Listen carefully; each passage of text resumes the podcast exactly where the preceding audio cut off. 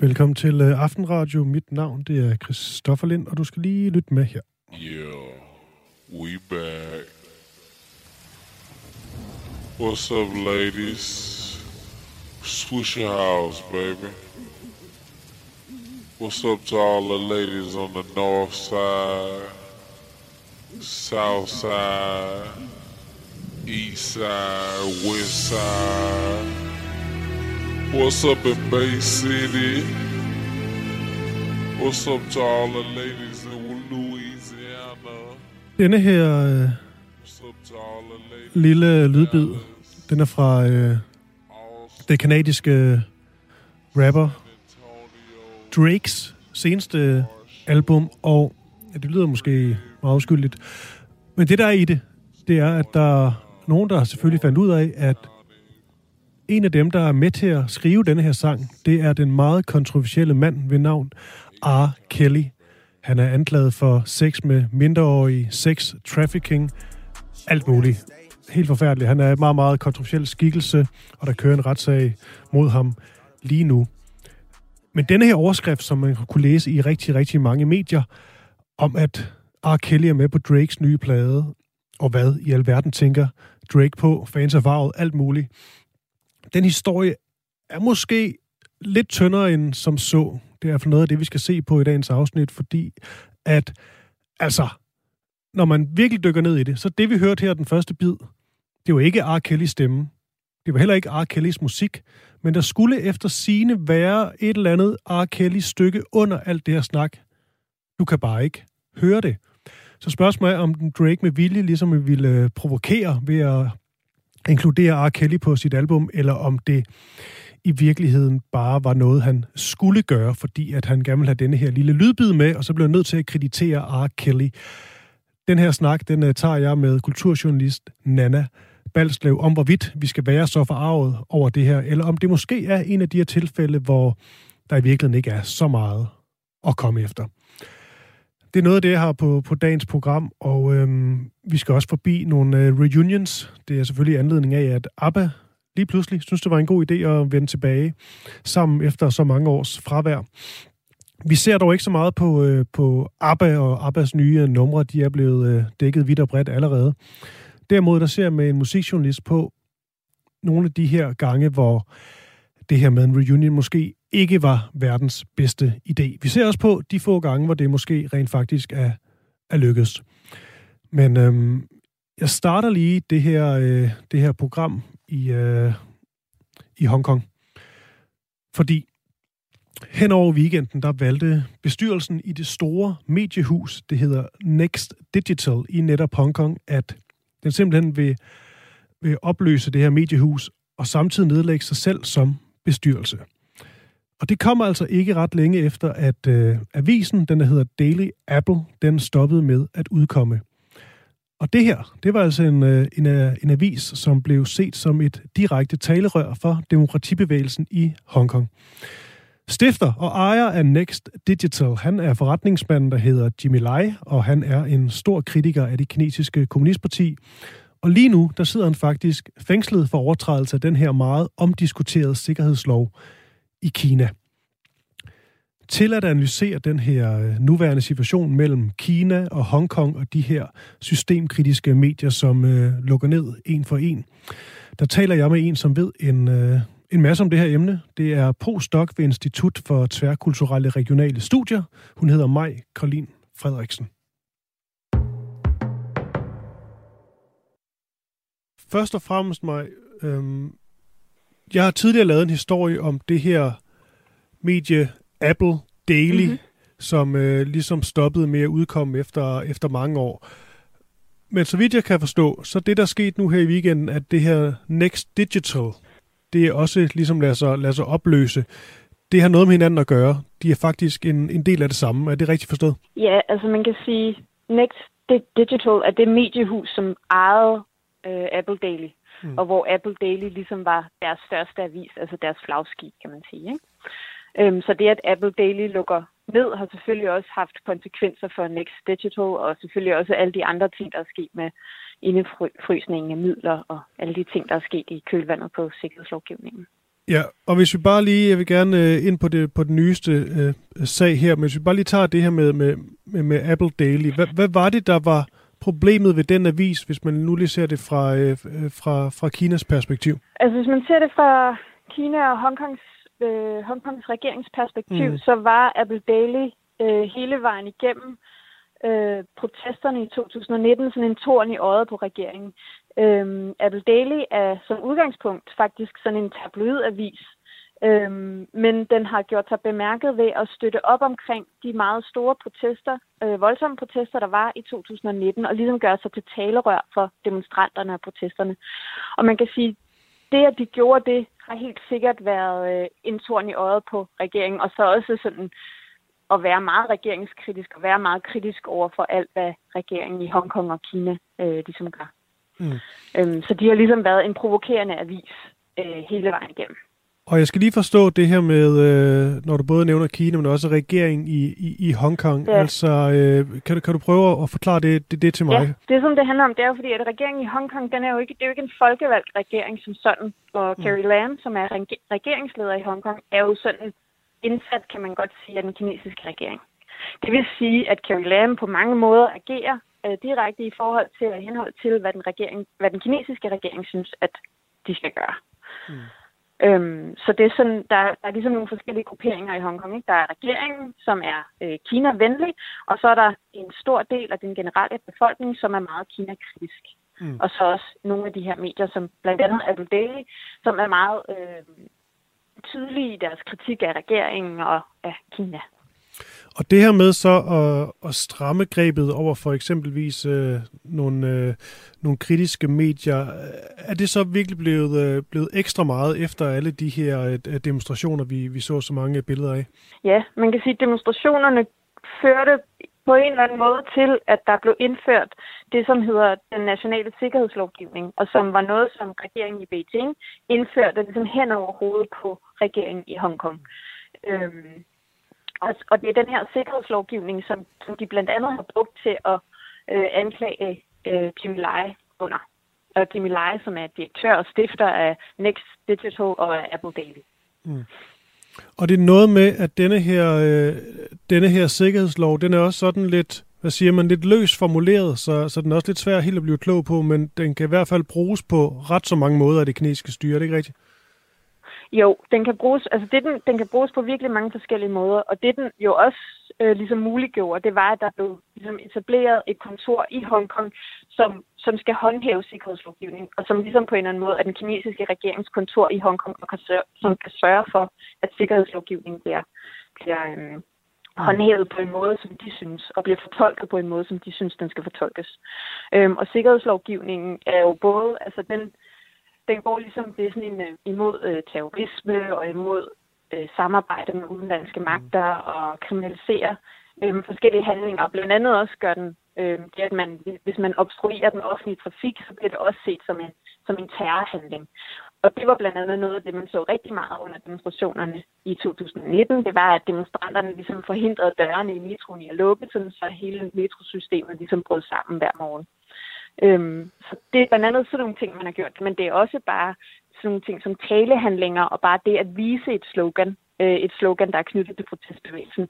Det vil sige, den bliver også brugt på måder, som vi ikke nødvendigvis opfatter som sådan en terrorisme eller som, som noget voldeligt, men bare på talehandlinger. Altså bare det at sige, at man for eksempel støtter Hongkongs uafhængighed, er også kriminaliseret under den her nye lovgivning. Og, så det er det, der ligesom ja, ja. har gjort den store forskel fra, kan man sige, systemet før, hvor der var det her to øh, eller et land, to systemer, hvor Hongkong som i store træk havde øh, en eller anden form for autonomi.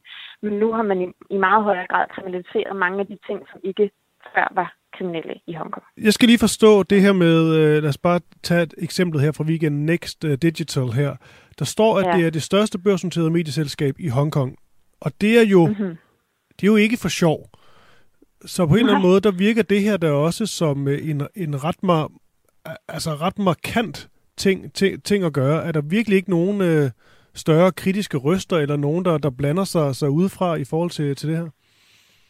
Jo, altså men man kan sige, at det, det er forventeligt. Det har været forventeligt, at, at, at det vil ske i forhold til Next Digital. Så mange af reaktionerne kom her i sommer, altså her i uh, juli og august, hvor hvor Apple Daily lukkede ned. Altså så så vi reaktionerne fra EU og fra Storbritannien og fra, fra USA øhm, på, på det, der skete i Hongkong. Ja. Så det er jo ikke, fordi der ikke har været reaktioner. Øhm, der har været nogle, nogle meget sådan øh, tydelige, hvad hedder det, formulerede resolutioner fra EU om, at det her det var problematisk, og det var øh, meget problematisk i forhold til ytringsfrihed og pressefrihed og, og alle de her ting. Så der har været reaktioner. Øhm, og man kan sige, øh, det som den britiske regering har gjort hele vejen igennem, det er det her med, med at have introduceret det her, øhm, eller den udvidede brugen af det, der hedder British National Overseas Passport. Altså som er, hvor de ligesom gør, øh, mm. gør det tilgængeligt for en masse borgere i Hongkong at kunne komme til Storbritannien mm. og bo. Men i forhold til det her med, hvad der er, forventeligt øh, øh eller ej, er det her så mm-hmm. også, kan man sige, øh, forventeligt i forhold til øh, Kina under Xi Jinpings øh, sådan ageren? Altså er der simpelthen bare mere censur, og bliver grebet strammet for tiden fra, fra kritiske røster? Ja, det er det, vi ser for tiden, at, at øh, grebet bliver strammet. Det er der ikke nogen tvivl om. Nu kan man sige, nu det jo, altså i Hongkong foregår det jo via sådan en proxy, altså kan man sige via, via den hongkongske regering og via det her kontor øh, i Hongkong, så det er jo ikke sådan direkte Xi Jinping på den måde. Øhm, mm. Men, øhm, men det er helt klart, altså det er jo Xi Jinpings forlængede arm, som vi ser øh, i Hongkong. Det er der slet ikke nogen tvivl om. Og her til sidst, ham her Jimmy Lai, du, øh, du, du nævnte, Mm-hmm. Vil du prøve at sætte nogle flere ord på ham? Fordi at, øh, hvad jeg sådan kan læse mig frem til, så er han jo ligesom ja, øh, forretningsmand og, og, og, og, og stifter af det her Next Digital, men også øh, mm-hmm. meget, meget kritisk over for, for kommunistpartiet. Er han simpelthen øh, en good guy, der sidder i fængsel nu, eller har du noget mere historie på, på ham? Øhm, altså, man kan sige, det, det er jo det er jo dybt problematisk, at man lukker så stor en avis i Kina, og at så stort et mediehus har været nødsaget til at lukke ned, eller ikke i Kina, i Hongkong. Mm. Øhm, og man kan sige, det er jo aldrig okay, men det, som han har været leder for, øh, Apple Daily, øh, har jo også været meget kritiseret gennem tiden for sin brug af de her paparazzi-metoder, og man ser meget Apple Daily som dem, som introducerer hele den der tabloid avisformat i Hongkong og faktisk også Taiwan. Øhm, så på den måde, så har han også, så er han også en problematisk figur i Hongkong, men han har bare, han har bare stået så tæt sammen med protestbevægelsen, at, at noget af den der negative klang, der har været over brugen af tabloidaviser, lidt har været, øhm, lidt har været gået af ham i den her protestperiode. Ja, og så til øh, lidt sidste spørgsmål i forhold til denne her, denne her udvikling. Er, er det bare noget, vi kommer til at se øh, mere af det her? Altså øh, de her medier, om de så er små eller store, dem der ligesom øh, er kritiske øh, over for, for styret? Øh, risikerer de alle sammen at, at, at lukke, eller er det at male, male lidt for sort?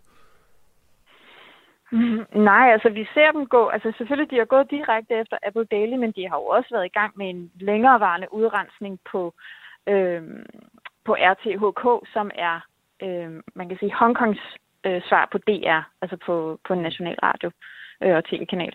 Øhm, og der har de jo også været i gang med en længere udrensning af af folk, som man anså var problematiske. Folk, altså både i ledelsen og blandt journalisterne. Øhm, og det er helt klart også alle mulige andre medier, der, bliver, der potentielt kan blive ramt af det her. Øhm, så jeg ser, ja, jeg tror egentlig bare, at vi kommer til at se mere af det her, og ikke mindre af det, desværre. Og med de ord, Maj Colin Frederiksen, postdoc ved Institut for Tværkulturelle og Regionale Studier. Det var en øh, fornøjelse, at du lige kom med her på en telefon. Tak for det, Maj. Og det er altså øh, Aftenradio lytter til. Mit navn det er Christoffer Lind. Og jeg kan lige sige, at i, øh, i næste time, der er blandt andet det her med, at vi skal se på øh, bands, som ligesom finder sammen, ikke bare flere år, men måske flere årtier efter de gik i opløsning, og tale om, hvorvidt det er en god idé eller ej. Derudover så er der også lidt øh, politik her, øh, her hjemmefra. Det skal handle om, at, øh, at PET, altså politiets efterretningstjeneste, de øh, de får kritik fra rigtig mange sider for ikke at slette vores borgers oplysninger i tide. Det vil simpelthen sagt, at de overskrider, altså PRT, systematisk de tidsfrister, der er sat op, og skal sikre, at stærkt personfølsomme oplysninger om helt uskyldige borgere, de bliver slettet. Det, man, det der så er, det er, at der er ikke helt sikkerhed på, sikkerhed om, hvorvidt det ligesom er tag, at der tale om om tjusk, eller om det er, som nævnt her, en, øh, en systematisk overskridelse af tidsfrister, der tale om, som, øh, som kritikerne de vil, øh, de vil hæve det. Det er i hvert fald endt med, at øh, Nick Hækkerup, øh, justitsministeren, han er blevet kaldt i, i samråd, og det er han blandt andet af Alex Vanopslag fra øh, Liberal Alliance, formand der. Og jeg taler med Alex Vanopslag i øh, starten af anden time, altså klokken 20.05. Og øh, jeg kan allerede sige nu, at jeg ikke kunne få... Øh, Nick Hækkerup med. Så øh, det er lige en måde, man kan sige, at, at kaste den øh, første bold op til, hvad der måske kan blive en større og meget interessant sag. Det her altså om, at, øh, at PET simpelthen ikke får slettet de her oplysninger, personfølsomme oplysninger, i tide. Men øh, lige for hurtigt at vende tilbage til det her med bands, der bliver gendannet, så er det jo også oplagt, at øh, I kan skrive lidt ind, hvis I har lyst. Øh, til det på 1424 og skrive R4 så jeres besked, altså 1424 R4 så jeres besked. Hvis jeg har nogle eksempler på bands, der øh, måske aldrig nogensinde skulle have fundet sammen igen, eller det modsatte, altså nogen, der fandt sammen efter, lad os bare sige 20 år, og så havde de faktisk stadigvæk magien, og det var stort at se dem live og alt det her. Men øh, mit forsigtige bud er, at der er klart flest eksempler på bands, der aldrig nogensinde skulle have taget den op igen. Men øh, det får jeg se. I er så velkommen til at til at skrive ind. Og øh, med alt det snak, så øh, skal det handle om noget, noget ganske andet, nemlig sport og, øh, og cykelløb. Og øh, til at tale om øh, sport og cykelløb, der har jeg Emil Axelgaard med. Han er skribent for Feltet.dk, og øh, altid en øh, sikker mand, når det kommer til, til sådan en indslag. Er du med, Emil? Det er jeg. God aften, Emil. Det skal handle om, øh, om først og fremmest om Vuelta i Spanien, som lige er afsluttet med Primoz Roglic som, øh, som vinder, men også i den grad med en dansker, som øh, leverede på allerhøjeste hylde. Tre etappesejre og en meget, meget flot enkeltstart til, til allersidst. Vil du ikke lige prøve at sætte nogle ord på herr Korts øh, præstation først og fremmest? Jo, det er ret unikt, det vi har været vidne til det er ikke specielt, at der er en rytter, der vinder tre etapper i en, øh, i en Grand Tour. Han er, der var faktisk to andre, der gjorde det i samme løb. Fabio Jacobsen og, og, og Primoz Roglic. Men øh, det er helt specielt, at det er en type som Kort, der gør det. Øhm, de, de rytter, der normalt kan vinde tre etapper i et, i et langt løb, det er enten øh, supersprinterne som Fabio Jacobsen. Øh, fordi er man den hurtigste mand, mm. så har man god chance for at vinde de massespurter, der er. Og så er det normalt, at man ser det hos, hos de bedste, altså klassementsrytterne, dem der vinder løbet. Og det er jo det, der skete med, med Roglic, der vandt fire gange. Men at du har en rytter, der vinder øh, tre etapper, uden at gøre det i, i massespurter, og uden at gøre det på de, øh, på de store klassementsdage, altså i, i de høje bjerge, hvor, hvor, hvor de bedste også kører om at, at vinde hele cykelløbet. Det er ganske unikt. Faktisk så skal vi helt tilbage til, øh, til Erik Dækker i øh, turen i 2000, efter min bedste hukommelse, for at se, at, at vi har set noget lignende. Så det er en ret unik præstation, der er leveret af, af, af den gode kort her de sidste tre uger. Så Magnus Kort her, han, øh, han har i den grad leveret varen. Og det er også en, særligt det, jeg gerne vil snakke med dig om, øh, Emil. Fordi det der, som mange cykelfans går op i, det er, at der om øh, ikke så forfærdeligt længe, der bliver der kørt VM i, øh, i landevejscykling. Øh, de andre, der vil selvfølgelig også kørt VM på enkeltstart alt det her, men, men, men for mange er det ligesom denne her øh, afsluttende øh, VM i landevejsløb, der sådan er den helt store. Og det bliver altså kørt i Flanderen i år og det er for mange cykel-aficionados ret stort, fordi at det her terræn, det, øh, ind, altså det, det skriger på, at det må blive et, et godt løb. Og Danmark har virkelig mange gode bud. Og før vi lige kommer ind på de bud, der vil du ikke lige prøve at sætte scenen for det her, øh, det her VM, der bliver kørt? For er det ikke rigtigt, at det er noget, som, øh, som cykelfans de, i den grad ser frem til? Jo, altså det er det jo det er det hvert år, fordi at det, det er Øh, det største endagsløb. Du, du vinder retten til at bære regnbuetrøjen, som er øh, sammen med den gule trøje turen, er den mest ikoniske trøje øh, i cykelsporten. Så, så det er det hvert år, men det er noget specielt, at det er, ligesom, at det er i Flandern, som i en vis forstand er cykelsportens moderland, hvor, hvor de virkelig øh, brænder for det. Og det er samtidig øh, det, der måske gør det ekstra interessant og, og, og skaber den her ekstra hype i, i Danmark, det er, at vi har så mange, der er gode i det, det klassikerterræn. terræn. det er jo det terræn, vi også, også finder i forårsklassikerne. Øhm, sidste år, øh, altså vi har, jo, vi har jo generelt bare været, været pokkers gode øh, de, sidste, de sidste par år. Men, men for eksempel til sidste års VM, hvor det var en meget hård og, og bjergrig rute, der havde vi ligesom kun Jakob Fuglsang, der kunne, der kunne præstere. Men, øh, men, men når vi kommer over i fladere terræn, så, så er det noget helt andet. Så har vi en, en, en ekstremt bred palet af, af gode rytter, som man faktisk ikke finder i, i, øh, i, i mange andre lande. Vi kommer med et af, et af de, øh, et af de bredeste og, og, og stærkeste hold øhm, til, til det løb, der, der venter. Ja. Og Emil Axelgaard, vi skal, vi skal mere ind på det danske hold, og også det her potentielle problem ved rent faktisk at have for mange gode ryttere. Fordi det nogle gange faktisk kan være lidt en hemsko, at der ikke er helt enighed om, hvem der er kaptajnen, den rytter, som alle kører for. Men lige før det, det her øh, Flandern-terræn, vil du ikke lige sætte nogle flere ord på det? Fordi det er jo også brosten og alt denne, denne her slags. Altså, det, øh, det, er, det er helt øh, særligt terræn. Ja, det er det. Altså, det er jo et terræn, som man først og fremmest, man bruger det også på andre tider af året, men man bruger det først og fremmest i, i nogle få uger i, øh, i foråret, hvor man kører alle de her, øh, de her øh, brostensklassikere. Det her, det er sådan lidt en, det er ikke det terræn, vi finder i, øh, i, i Flandern rundt, og, øh, øhm, og E3 og Gen Wevelgem og, de, og de største flamske klassikere, det er en, øh, et lidt anderledes løb. Der er ikke så mange brosten. Det er mere nogle, øh, nogle øh, korte bakker, der, der kan svare til måske mere en, en, en, til, til den hollandske klassiker, som, de kender, øh, som hedder Amstel Gold Race, eller, eller et lidt mindre løb, der hedder Brabantse Pejl, som også er en, en, øh, en, øh, en, en, en, en, en relativt stor forårsklassiker.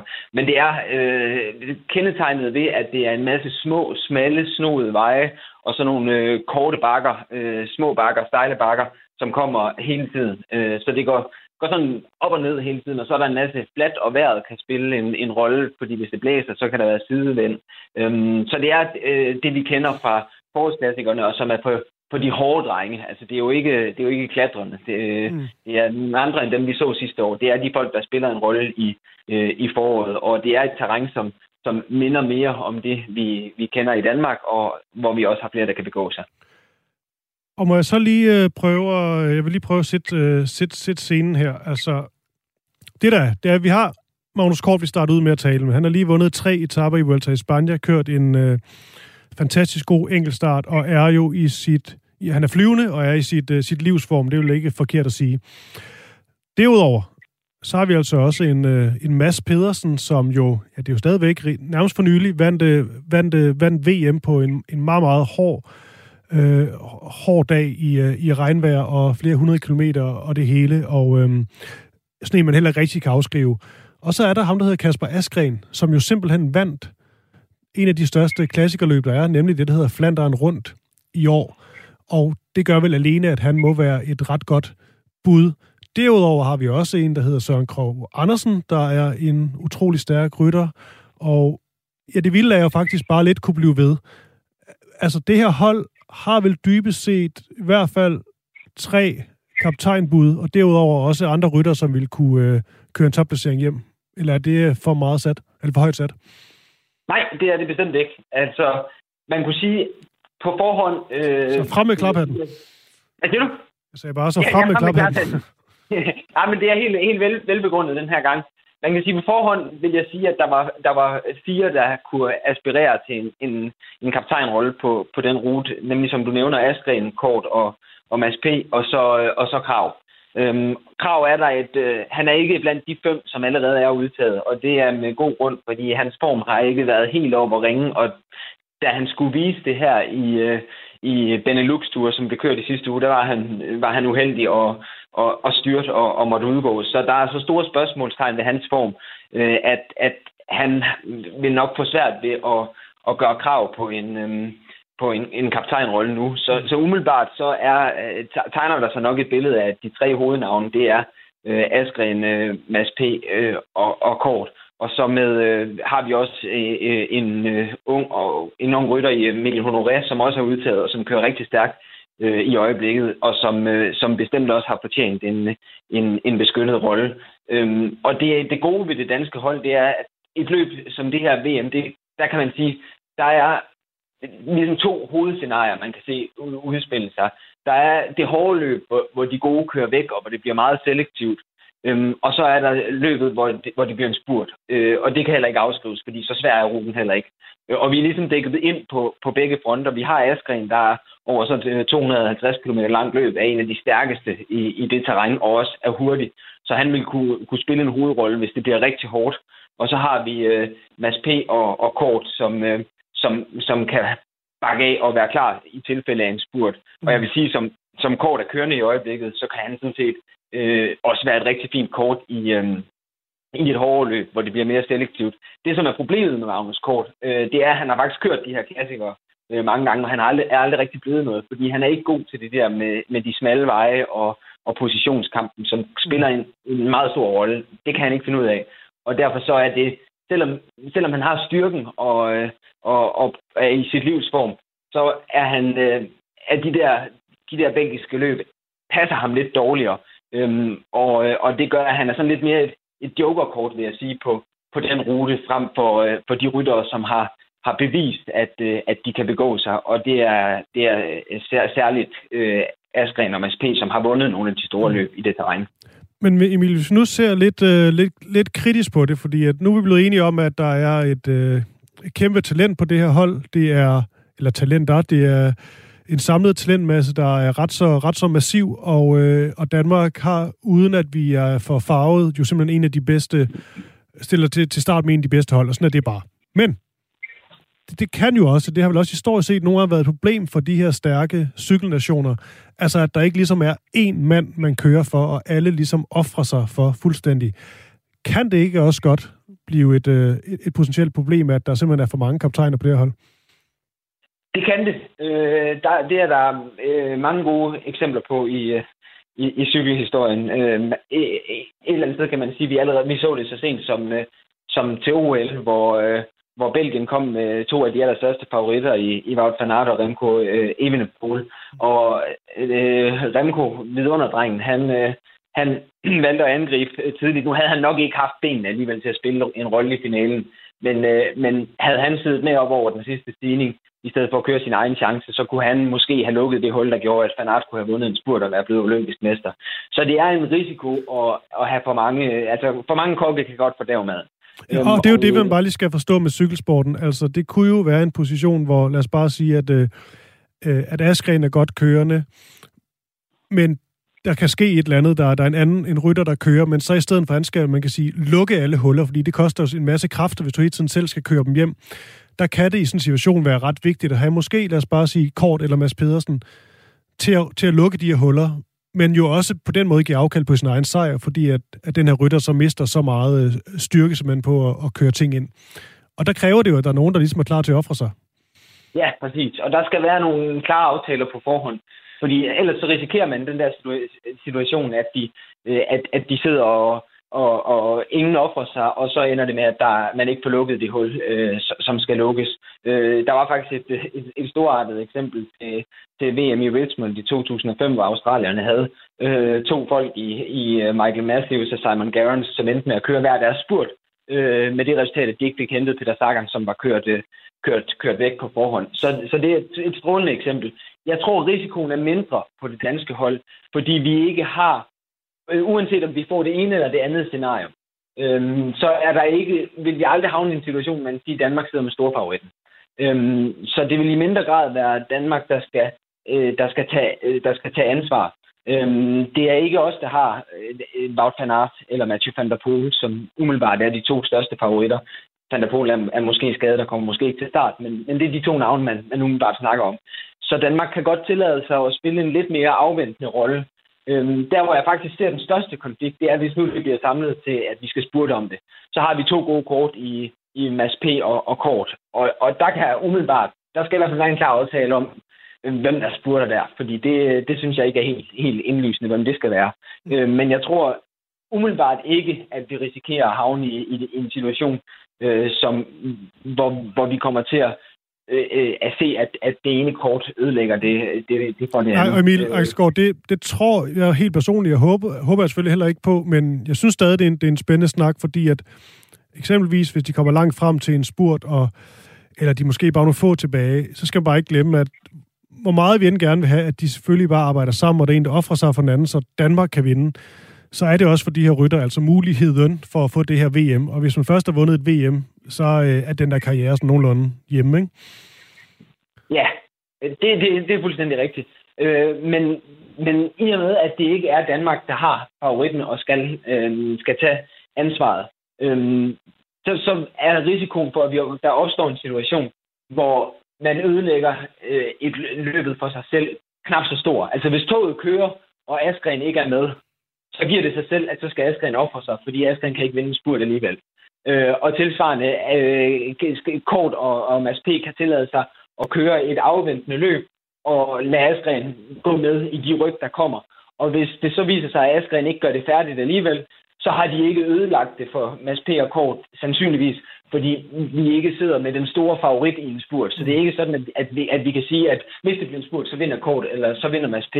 Så, så på den måde er det ikke os, der, der, med sikkerhed kan sige, at, at, at det er vores interesse. Så på den måde, så, fordi vi mere, altså selvom vi har så stærkt et hold, så er vi mere outsider end favoritter, fordi vi ikke har en Fanart eller en Van der Poel. Og dermed så er det ikke os, der skal diktere slagets gang, og derfor så tror jeg, at risikoen for, at vi ødelægger det for hinanden, er mindre. Det håber jeg, du har ret i, Emil øh, Axelgaard. Så kan jeg sige, at det er øh, den 26. september øh, VM i landevejsløb øh, for mænd. Det bliver, det bliver kørt det er 267 kilometer. Det er alligevel øh, noget på brosten og det hele.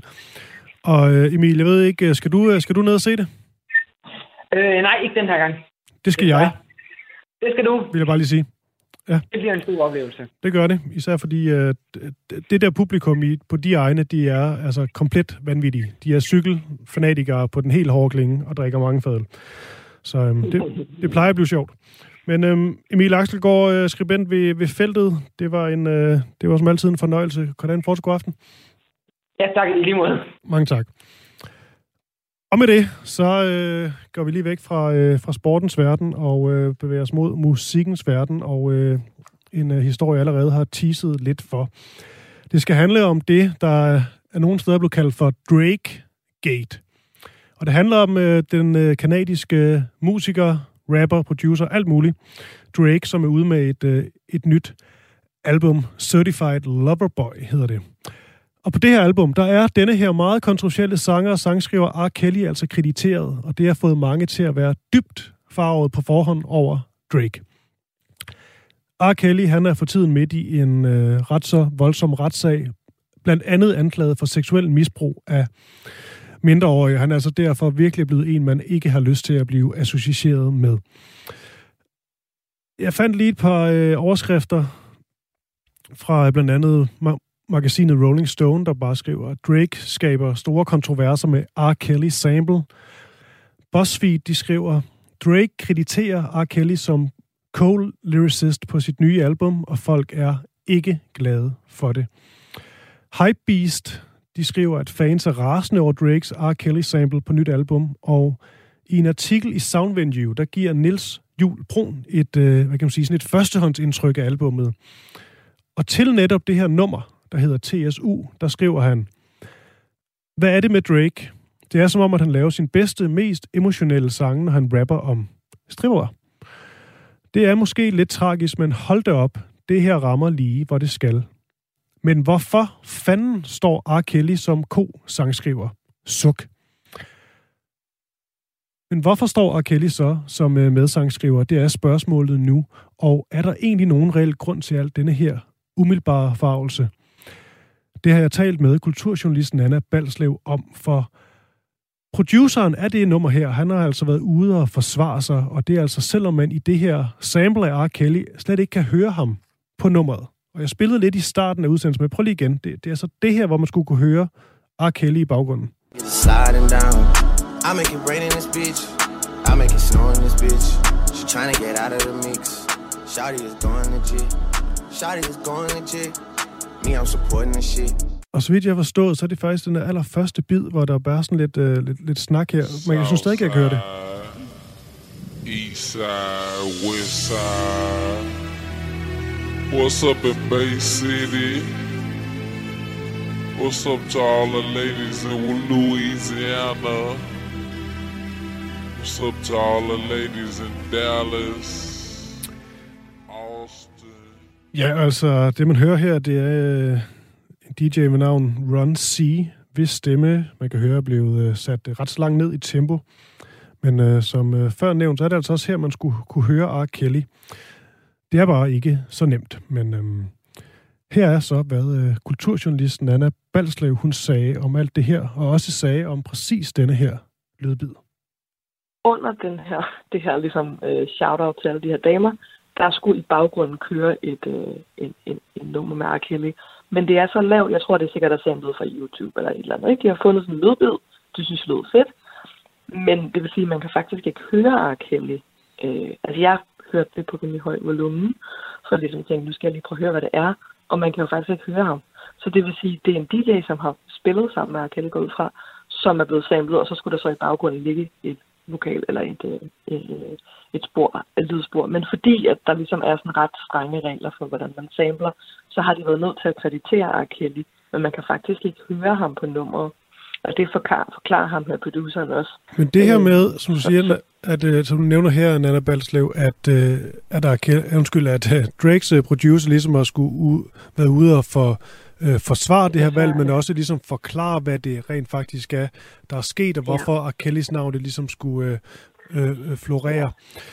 Det siger vel også ret meget om denne her R. Kelly-sag, og det er ikke fordi, vi behøver at gå ned i alle de Nej. desværre grimme detaljer, men kan du sådan rimelig kort prøve at, lige rise op, hvad øh, denne her R. Kelly-historie den, den går ud på? Ja, den aktuelle retssag, der kører lige nu i New York, den øh, går ud på en øh, række søgsmål øh, fra, øh, jeg mener, det er seks kvindelige vidner, der, eller seks kvindelige øh, kvinder, og en af dem er faktisk øh, Alia, som jo er død, men det er så hendes familie, øh, som øh, øh, hvad hedder det, Arkelle giftede sig med, da hun var 15, det vil sige, hun var under øh, hans seksuelle lavalder, og han fik faktisk, det er kommet frem, at han fik forfalsket identitetspapirer på hende, så at de kunne blive gift.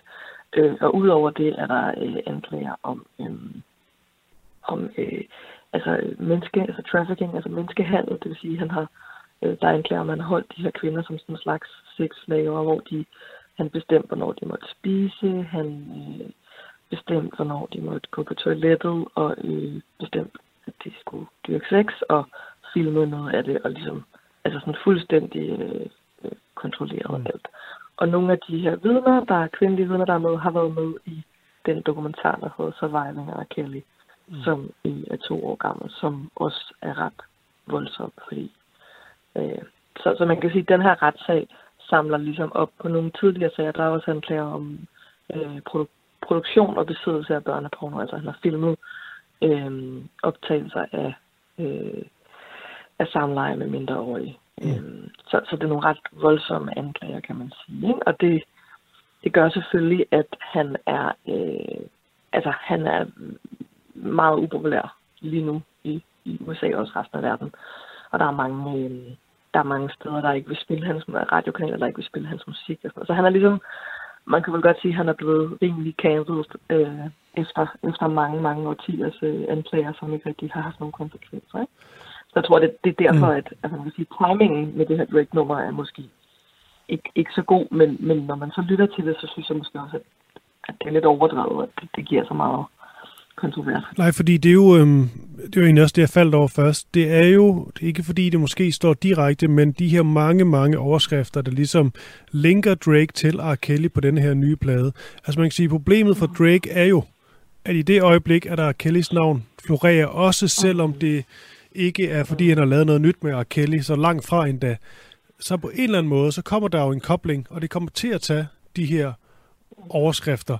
Så spørgsmålet er ja. også, øh, hvis man nu spørger lidt frægt, om, om Drake og hans producer måske har be- været bevidst om, at de, hvis de fik R. Kelly med, så ville de også få omtale. Ja, det kan godt være, at det har været en strategi, men, men på den anden side, så kan man sige, at Drake er, sådan, er rimelig kendt, eller hans image er været rimelig meget sådan en, udover at være sådan en damernes mand, så så er han bare sådan rimelig meget sådan en good guy og sådan ret følsom, og jeg tror måske også, det er noget det, det, det ligesom rammer ind i, at, at, at, at folk er sådan lidt, vi, vi troede, du var sådan en, der ligesom respekterede kvinder og sådan noget, ikke? Øh, men, men, øh, men, men det kan også godt være, at de har gjort det, fordi de vidste, det ville generere noget, øh, noget omtale, ikke? Altså man kan sige, øh, nu har du samme dag som Drake-albumet udkom, der kom Kanye West-album, Og Kanye har jo ligesom gjort det til sin... Altså, han har jo lavet numre med øh, Marilyn Manson og øh, The Baby, og, altså, som henholdsvis er anslået for øh, flere, øh, flere øh, tilfælde af voldtægter og sexovergreb, og The Baby, der ligesom var ude og, og, og sige sådan nogle rimelig homofobiske ting, øh, og som, om, omkring øh, øh, folk med AIDS og HIV og sådan noget. Så altså, det er ligesom nogle... Altså, man kan sige, Kanye har jo ligesom gjort det til sin ting at, være, at, at gå ud og være kontroversiel og sige nogle kontroversielle ting. Det har han jo også gjort før i forbindelse med både Trump og... Altså, jeg tror ikke, der var nogen, der havde løftet et på en, hvis det var Kanye, der havde gjort mm. det her. Men fordi det er Drake, tror jeg, at det får en anden... Uh, det får en... Det bliver tillagt en anden betydning. Mm. Øhm, men, men jeg synes, det er lidt overdrevet, når man så hører nummeret. Vi taler om nærmest hvert eneste store musikmagasin øh, ude i verden, de har nævnt det her med, at Drake han ja. samler R. Kelly. Produceren har skulle været ude og tage